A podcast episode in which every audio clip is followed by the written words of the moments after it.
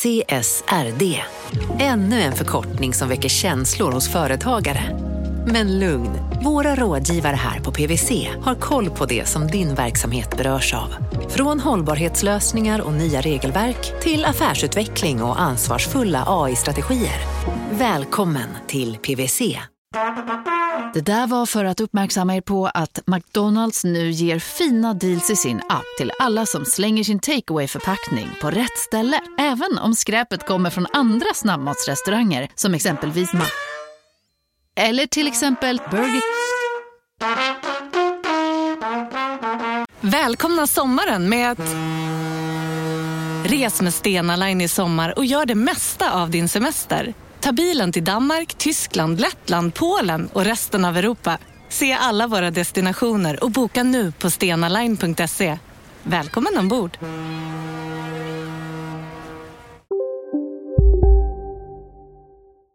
Från Monopol Media, det här är Kapitalet. Jag heter Gunnar Harjus. Och jag heter Åsa Secker. Okej, så det här börjar 1637 eller 2008 eller 1929. Du betonar ju sista siffran där. 789. Mm. Vi är på en tulpanmarknad eller en bostadsmarknad eller en aktiemarknad. Och det alla vill ha eh, de här åren då, det är tulpaner eller bostäder eller aktier. Tre härliga grejer. Mm. Alla älskar tulpaner. Eh, Så man köper och köper och köper och köper tulpaner. Och alla älskar ju bostäder som du vet. Så man köper och köper och köper bostäder. Och de flesta älskar aktier. Så man köper och köper fler aktier och mer aktier och ännu mer aktier. Tills man helt plötsligt slutar köpa. Det blir en krasch. Bubblan spricker. Allt går åt helvete. Kris och panik. Som sprider sig över världen? Frågetecken. Jag tror det. Arbetslöshet och olycka. Kanske depression. Tre mindre härliga grejer. Ja. Och kvar då står hela världens ekonomer och undrar två saker. Eh, vad var det som precis hände? Det är ena frågan. Och vad ska vi göra nu? Två frågor som ekonomer inte bara ställde sig 1637, 2008 och 1929 utan fortfarande ställer sig än idag. En av dem, ekonomen alltså, eh, har jag träffat. Ja, jag heter Tor Ellingsen och är professor i nationalekonomi vid Handelshögskolan i Stockholm. Åh, Tore! Han är känd från tidigare avsnitt av Kapitalet. Ja. Eh, han har ju pratat om beteendeekonomi eh, och vad som händer med människor i grupp i avsnitt eh, 100 någonting. 121. 121, just det. Jag ska precis eh, säga det. Mm, du beskrev honom då som citat en creddig ekonom. Just det, just det.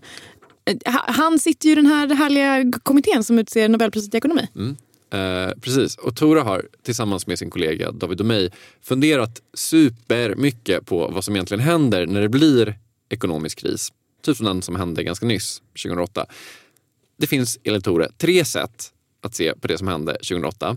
Ett, det var oundvikligt det som hände. Två, det hade gått att göra någonting åt det men ekonomerna fattade inte hur. Eller tre, ekonomerna fattade hur men politikerna gjorde inget. Jag hoppas att inte svaret är så här, allt var oundvikligt för då blir det här ett jättesvårt avsnitt. Precis. Nej, det Tore tror är DT2an. Alltså att ekonomerna fattade inte hur man kunde lösa det. Men det Trist. gick att lösa. Trist för ekonomerna. Ja, verkligen. Men det som är kul för ekonomerna det är att Tore nu har en ny bra teori om vad som hände och vad som händer i ekonomiska kriser. Kul! Vad händer? Ja, vi tror ju att eh, många kriser i alla fall uppstår eh, därför att någonting händer med penningvärdet. Vilket kanske låter som en superbanal sak att säga. Någonting händer med värdet på pengar. Då börjar skit hända med en ekonomi. Visst. Men om man har det här som utgångspunkt, det där enkla, så kan man, i alla fall om man heter Tor Ellingsen, bygga en helt ny teori för vad som orsakar ekonomiska kriser och hur vi kan lösa dem. Han har löst alla ekonomiska kriser. Inte illa för ett helt vanligt avsnitt av Kapitalet, skulle jag säga. Eh, hur man löser alla ekonomiska kriser efter det här. Vi sponsras av Storbrand Asset Management som ju förvaltar över 1000 miljarder norska kronor, bland annat för SPPs eh, många pensionssparare. För två år sedan så investerade Storbrand i drygt 60 tåg, alltså tågvagnar, eh, som rullar mellan London och Skottland. De leasar sedan de här tågvagnarna till tågoperatören som alltså kör tågen och säljer biljetter och sånt eh, med ett avtal på 27 år. Så britterna får nya fina tåg och storbrandskunder, eh, däribland alltså SPPs pensionssparare, får en inflationsskyddad avkastning med låga risker under lång tid. Det här är ett av supermånga exempel på hur pensionskapitalet i växande omfattning bidrar till att bygga samhället och inte minst till att klara klimatmålen. Det behövs elproduktion, elnät, batteriparker, nya transportlösningar och allt möjligt. Bara i Europa antas investeringsbehovet för att klara klimatmålen uppgå till tusentals miljarder dollar. Och det här är ju pengar som ganska ofta saknas i statsbudgetarna. Däremot är det här pengar som pensionsbolagen kan vara med eh, och stoppa in, vilket ger pensionsspararna en fin avkastning under lång tid samtidigt som man är med och ställer om samhället. Vi har gjort ett helt avsnitt om det här eh, som man kan lyssna på. Det publiceras här i Kapitalet i mitten av maj. Ratta gärna in det om ni vill lära er mer om hur det här funkar. Men tack säger vi till Storbrand Asset Management som ju investerar i alla tänkbara tillgångslag, bland annat för pensionsbolaget SPP. Och tillsammans försöker ju vi, Storbrand och SPP öka medvetenheten om hur pensionerna funkar och vilken roll pensionerna spelar i samhället och i ekonomin.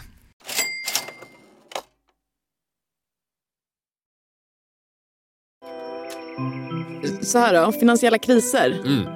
De har vi haft jättelänge. Ja, i princip så länge som vi har haft pengar. Och vi vet inte varifrån de kommer, eller? Alltså, om vi visste varifrån de skulle komma så tänker jag att vi väl skulle göra vårt allra yttersta för att de skulle sluta komma. Alltså om vi verkligen visste var de kommer ifrån, då skulle det inte komma några fler. Ja, det låter rimligt. Förutom om det då kanske eventuellt finns personer som tjänar på kriser. Men det är liksom ett annat spår. Ja. Eh, Men ibland kan det ju liksom slå en att så här, ekonomi är ju inte eh, så här, en, ett perfekt uttänkt system. En arkitekt som har tänkt på allt in i minsta detalj. Utan det är mer så att så här, någon kom på pengar för två och ett halvt tusen år sedan. Och eh, sen dess har vi försökt förstå vad fan det var som egentligen hände. Jag vet, det är så himla hemskt att det verkligen är typ det. Att så här, åh, om man skulle använda någonting som betalning och sen dess har det varit så här, oj, oj, oj, nu måste vi, nu måste vi fundera på vad som egentligen Ja, och ibland då så blir det kriser och nej, vi vet inte helt och hållet var de kommer ifrån. Men, men Tor Ellingsen som vi hörde innan reklamen, han vet. Mm, han tror det i alla fall. Eh, han sa ju då var kriser kommer ifrån. Citat, många kriser uppstår för att någonting händer med penningvärdet. Slutcitat. Mm. Vad händer med penningvärdet? Ja, man kan ta det som hände efter första världskriget som exempel. Eh, Det som hände då var Att man gick tillbaka till guldstandarden då och bestämde sig för att pengarna skulle vara mycket mer värda än vad de hade varit innan. Eh, Det hade varit hård inflation under kriget, det brukar ju bli det av krig. Eh, Men efter det så kände man, nej vet ni vad hörni, nu återställer vi värdet på pengar till det som det var innan hela den här krigsinflationen.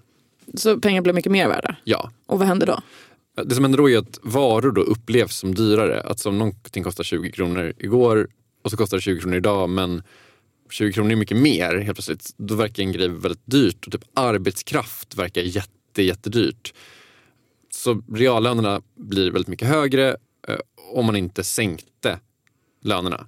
Det vill man inte göra. Ja, då blev det en fruktansvärd arbetslöshet. Det blev arbetslöshet på 30 procent eh, bara i loppet av något år.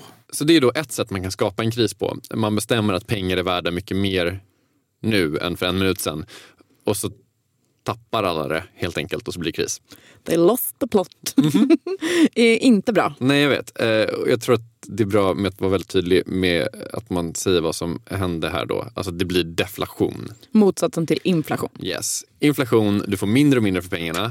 Vilket låter dåligt men är bra i små lagom stora doser. Mm Medan deflation, du får mer och mer för dina pengar. Låter härligt, är förfärligt. Ja, det är det ju. För, för om eh, Eh, varupriserna uppfattas för höga och lönerna uppfattas för höga, ja, då vill inte folk köpa, eh, vill inte handla på det sätt som eh, de har gjort tidigare och man vill inte anställa eh, arbetskraft på det sätt man har gjort tidigare för, för det blir för dyrt. Så är det deflation, då sitter du där med dina pengar och tänker att de kommer växa ännu mer i värde. Och tror att de ska växa mer i värde så vill du inte köpa någonting för det. Det låter ju dumt då. Eh, om du inte verkligen måste. Så att det här liksom, den här 20 du har idag, den är värd ännu mer imorgon. Då behåller jag min 20. Plus att allt verkar dyrt för att allt är värderat i enheten pengar som ju bara blir värt mer och mer. Precis, och arbetskraft verkar också extremt dyrt. eh, Så man vill inte anställa människor, vilket leder till arbetslöshet och så går allt åt helvete. Och det var så det som hände efter första världskriget när man då försökte återställa penningvärdet till det det hade varit innan kriget. Samma sak hände när våra vänner i det politiska partiet Mössorna i Sverige 1766 ville halvera växelkursen mellan marker och daler, fråga mig inte vad det var, och skapade deflation. Okej, alltså jag vet att ekonomi så här, delvis är en gåta och vi vet inte var allt kommer ifrån och så vidare. Men i det här fallet så finns det väl en så tydlig orsak-verkan ändå. Lite olika stater försökte höja värdet på pengar, pengar blev mer värda, det ledde till deflation, arbetslöshet, allt gick åt helvete. Ja. Okej, radikalt förslag. Eh, gör inte om det. Bra förslag tycker jag. Eh, Det är typ ingen som har gjort så igen. Vad jag vet, jag har inte hittat något i alla fall. Skönt. Men det har ju ändå eh, varit kriser sedan första världskriget. Ja, Så vad har hänt? tyvärr är det då så att det här är inte enda sättet man kan förändra penningvärdet utan liksom, penningvärdet kan förändras på andra sätt. Det är att eh, människor eh, vill spara i pengar eller statsobligationer eller så. Att man blir rädd för att spara i andra tillgångar. Det här är då fundamentet i Tore Ellingsens teori om kriser. Människor sparar någonting, typ i aktier eller fastigheter, ja, eller tulpaner gjorde man i Holland. Eh, sen händer det någonting som får dem att vilja sluta spara i, i den här sparformen. Så att de säljer sina tulpaner eller sina hus eller vad det kan vara. Ja, det kan man ju säga att det är det de gör. För det gör de ju. Men man kan också se det som att de flyttar sitt sparande. Från att ha sparat i fastigheter så sparar de nu i pengar. För de säljer ett hus och får pengar för huset och sparar sina pengar. Precis, så då har man slutat spara i fastigheter och börjat spara i pengar. Eh, Antingen till att ha pengar på banken eller till statspapper. Alltså att man köper en skuld som staten har gett ut, statsobligationer. Eh, kort recap från statsobligationer, mest för min egen skull känner jag. Så här, säg att Sverige behöver en miljard. Då ger Riksgälden ut en statsobligation, alltså statspapper, på en miljard. Ja, Eh, och då köper här, typ ett pensionsbolag den för en miljard. De lånar ut miljarden kan man säga. Och som tack för kaffet så får man lite ränta. Och så får de tillbaka miljarden om ett år, eller om 10 år eller 20 år. Eller så, beroende på vad man har bestämt. så, precis så händer det. Så istället för att du då, Åsa Secker, sparar i aktier eller fastigheter eller tulpaner. Jag tar tulpaner. Ja, så behåller du istället pengarna på banken, alltså sparar i pengar. Och istället för att pensionsbolaget sparar i typ aktier så sparar den då i statspapper.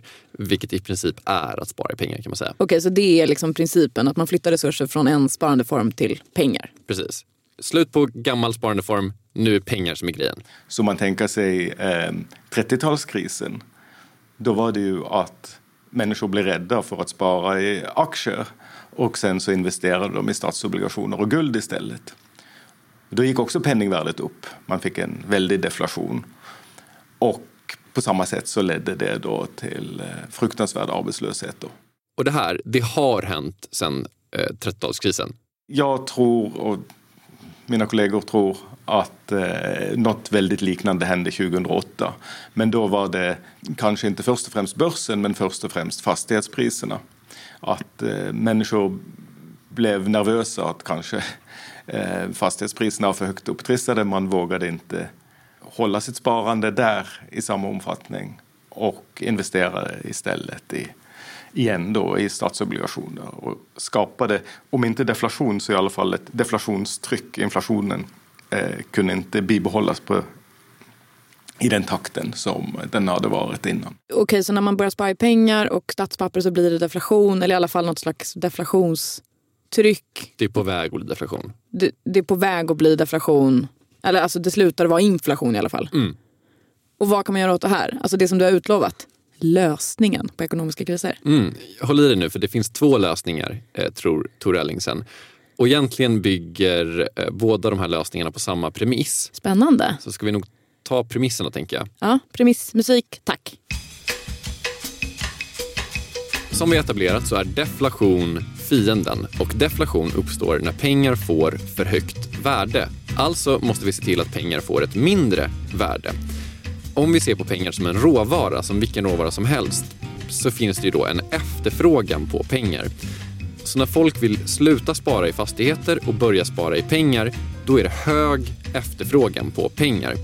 Och som med alla råvaror, när efterfrågan är hög eller stor, så stiger priset.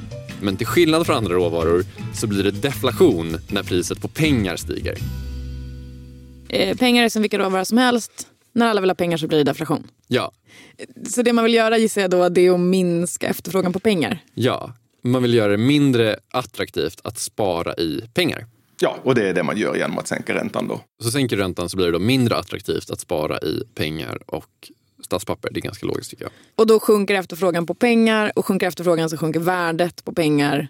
Och då slutar det vara deflation, a.k.a. den stora fienden. Fienden är besegrad. Toppen! Ehm, men visst är det så att vi har haft och har jättelåg ränta? Ja, Men om man vill att penningpolitiken ska göra det, då har vi varit lite skeptisk till de här eh, djupa sänkningarna som man då förväntar sig att man ska reversera kanske inom några år. Alltså man, man tänkte sig att två, tre år med väldigt låga räntor och sen så högre räntor igen då. Vår åsikt var att det, kom, det kommer ändå inte att duga. Ehm, För, för om man nu tror att det är en varaktigt ökad efterfrågan på pengar och inte bara någonting som varar ett, ett par, tre år så kommer man behöva varaktigt sänkta räntor för att eh, hålla emot det. vi kan alltså inte, menar Tore, sänka räntan mycket under kort tid. Det funkar inte. Varför inte? Okej, det här är rätt krångligt. Men Tore var väldigt snäll och har gjort liksom en liten analogi. Han har hämtat den från medicinen. Om man tänker att eh, för hög efterfrågan på pengar, alltså deflationstryck, det är liksom ett kroniskt tillstånd. Det kan vara diabetes, tänker vi. Om man då bara gör en tillfällig och stor räntesänkning, då är det som att ge en så här jättestor dos insulin till någon som har diabetes. För att så här, nu botar vi diabetesen med insulin. Det funkar inte. Nej.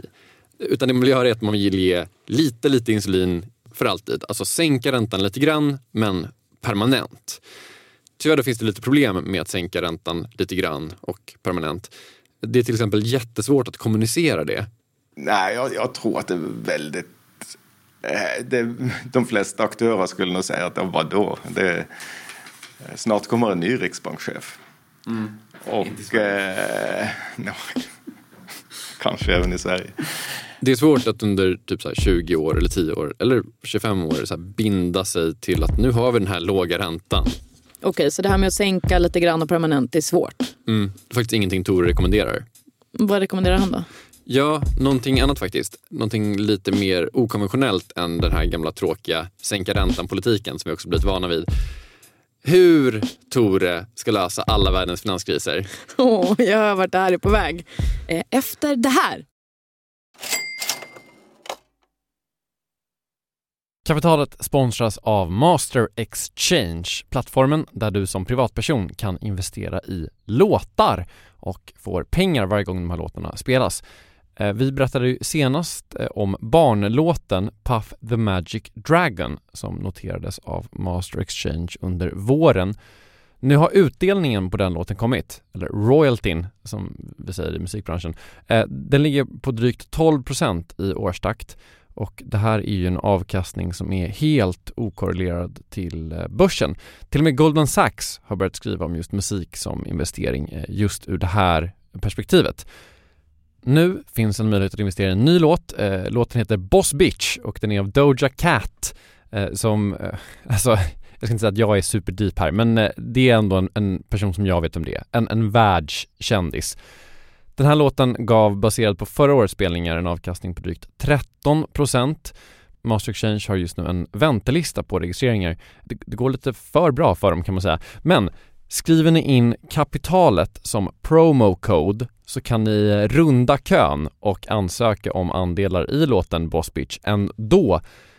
Om ni investerar helt vanliga pengar, det är inget krypto eller sånt där. Så vill du investera i musik och få en avkastning som är helt okorrelerad med börsen och kanske inte minst för att det är kul att äga låtar eh, så kan man gå in på masterexchange.com och använda kapitalet som promo-code så går man alltså förbi kön.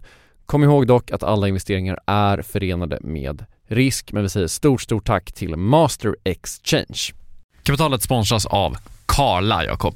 Ja, bilar igen. Ja, det är härligt. På Karla kan man sälja sin elbil eh, på det gissningsvis smidigaste sättet i Sverige. Eh, Karla har ju ett fakt- nästan ett komiskt högt användarbetyg på Trustpilot. Mm. 4,8 av 5, vilket jag typ aldrig hört talas om. Nej, det är väldigt, väldigt högt. Eh, Man knappar in lite info om bilen på sidan, sen får man en gratis värdering och ett bud. Accepterar du budet kommer Karla och hämtar upp bilen gratis och sätter in pengarna innan de kör iväg. Inget mer än så. Rätt fantastiskt. Nej, det är faktiskt Ja. helt otroligt. Och eh, det kan bli ännu mer eh, otroligt än så. eh, För att vi har nämligen en rabattkod som ger dig 2000 kronor extra för bilen. Så att om du säljer din bil så får du två lax extra. Stämmer. Bara sådär. Eh, koden är Monopol och eh, den uppger du när du har värderat bilen och eh, pratat med Karlas inköpare. Koden är giltig till sista maj, så att eh, passa på om du går i säljartankar. Jag undrar om vi haft en kod som har gett två lax bara sådär någon gång. Det är Nej, helt otroligt. man behöver en bil förvisso. Absolut, så det är inte, kanske inte bara sådär, men det är ändå 2000 kronor extra. Väldigt bra. Ja. Så sälj din elbil eller laddhybrid till Karla. Du får 2000 kronor extra med rabattkoden Monopol. Eh, hoppa in och kolla på karla.se, Karla Museet. Där kan vi också köpa bilar ska jag tillägga. Verkligen. Vi säger stort tack till Karla. Eh, jag sammanfattar. Ja. Tore Ellingsen säger att många ekonomiska kriser uppstår eh, när värdet på pengar stiger Mm. och pengar blir dyrare när efterfrågan på pengar ökar. Och det gör den när människor får för sig att sluta spara i något annat. Ja, precis. Min känsla är att när folk vill sluta spara i någonting, typ fastigheter, tänker de att så här, pengar är så här default-sparandet. Ja, det känns ju så. Men om man tänker på pengar som vilken sparform som helst så går ju priset på pengar upp och då blir det deflation och deflation är fiendens fiende. Sista bossen. Ja, och blir det deflation så går ju allt åt helvete. Ja. Och Tore menar då att en lösning man kan ha för att motverka deflation, fiendernas fiende, det är att sänka räntan lite grann, men permanent. Ja, eller mer eller mindre permanent. Precis, men det är svårt. Det är svårt att kommunicera. Det är svårt också typ att få så här, äh, tre riksbankschefer i rad att gå med på att hålla räntan på en viss nivå och typ inte göra någonting. Det är svårt. Eh, Det är svårt och då sa du att det finns ett annat sätt som man kan motverka deflation och så här, rädda oss från krisen. Ja. Innan vi kommer dit så vill jag bara säga att det här med att sparande flyttas från en eh, sparandeform till pengar och då blir det kris. Det är kanske inte så här exakt, exakt alla, alla, alla ekonomer som tycker att det är det här som har hänt i alla kriser någonsin. Är det en liten brasklapp jag hör? Ja. Vad tycker de då? Ja, ja du, du frågar igen. Ja, på sätt och vis så frågar du fel person. Hatar när forskare säger så. Kan de inte bara kasta lite smuts? Jag håller verkligen med. Eh, Men då säger man så här, eh, jag försöker bara förstå vilket forskningsläge du förhåller dig till, bla bla bla. Eh, Och ehm, eh, här är då vad många tycker. Historien har varit väldigt mycket att någonting hände med eh, finansiell intermediering. Någonting hände med banker och andra finansaktörer.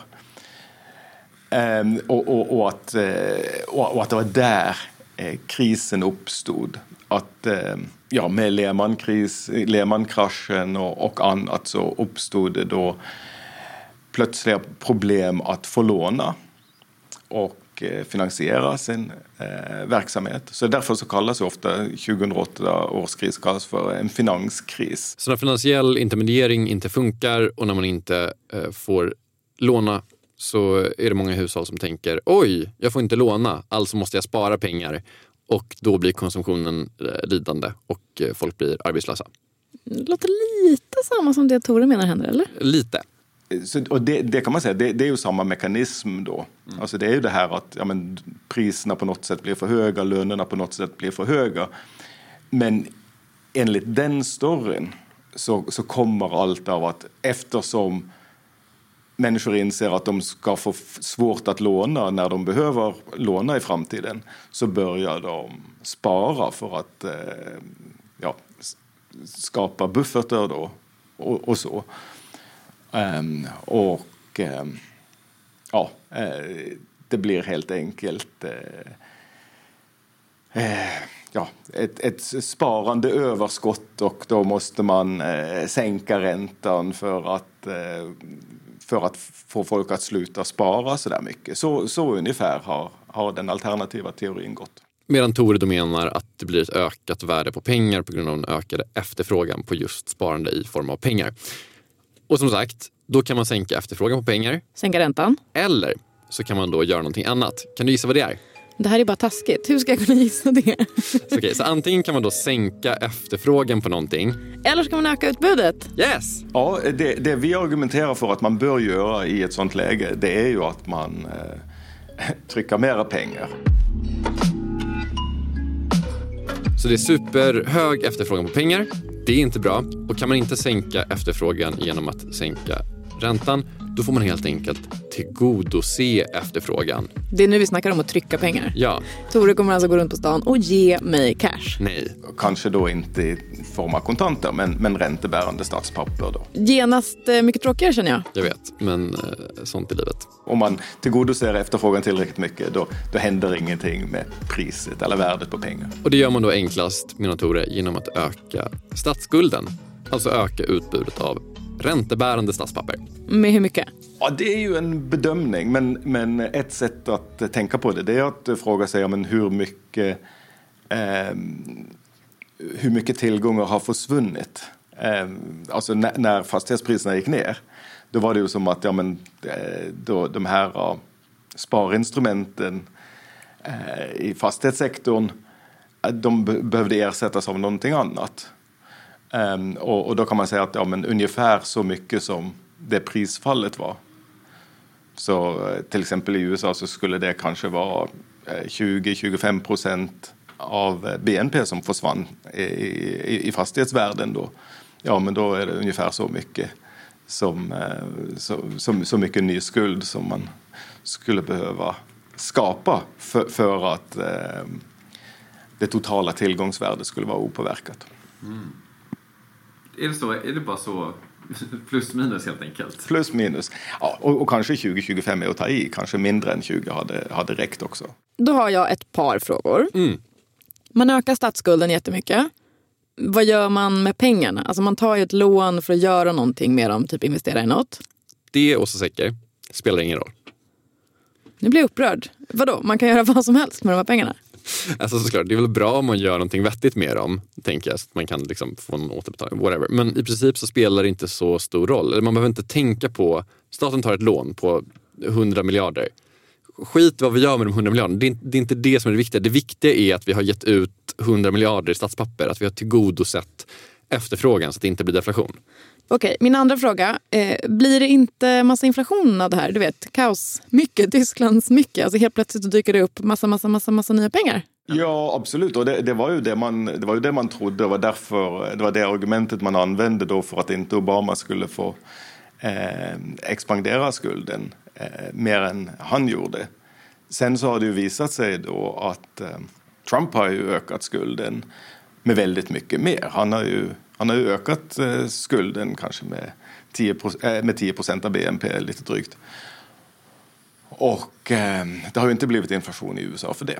Det är mycket som talar för då att eh, ja, det fanns det här stora, den här stora efterfrågan på, på de här tillgångarna och man kunde tillgodose den utan att få inflation. Okej, då har jag en sista fråga. Mm. Eh, man tar massa ny skuld. Visst. Det kostar pengar? Frågetecken. Ja, det gör det ju, för att det är då ränta. Eh, Men det blir då bara ett problem om tillväxttakten understiger realräntan. You lost me tillväxttakten. Så här. Eh, om ekonomin växer mer än vad eh, man betalar i ränta så är det lugnt. Då kan man flytta över pengar. Då behöver man inte höja skatten för att betala, eh, betala de här räntekostnaderna. Och planen är ju att det ska växa. Och, ska vi komma ihåg, Tore menar ju att den krymper. Alltså ekonomin krymper om vi inte gör det här. Och då är det ju, då får ju det är ju skitdåligt alternativ. ja, eftersom att vi lever i en marknadsekonomi och allt handlar om tillväxt. Ja, Eh, Okej, så att av de här tre alternativen precis där i början som handlade om vad som hände eh, under krisen 2008 så menar Tore att så här, det är verkligen alternativ två. Ekonomer fattade inte vad man skulle göra. nej, Men nu fattar i alla fall han. ja. Och nu har vi berättat för alla så nu vet alla. Ja, det var ingen hemlighet tror jag. Men eh, toppen, då har vi precis löst alla ekonomiska kriser. Jag vet, en helt vanlig dag på jobbet för oss. Eh, Det här avsnittet har du och jag gjort. Vi heter Åsa Secker och Gunnar Harjus. Tore Ellingsen är professor på Handels i Stockholm och eh, kan läsas på massa ställen, till exempel Ekonomisk debatt. Det är en sida vi rekommenderar där han har skrivit om hur man löser ekonomiska kriser om man vill kolla på olika modeller och siffror och pilar. Ska surfa in där, dirr, inga konstigheter. Gör det. Kristoffer Krook har mixat det här avsnittet. Vi är tillbaka igen om en vecka. Tills dess så kan man tipsa om kapitalet eh, på något härligt sätt. Ta en screenshot och skicka det till gunnar.kapitalet.se så kan man vinna en jättefin tröja. Hej då Åsa! Hej då, vet du vad jag har på mig just nu? Kapitaltröja. Ja.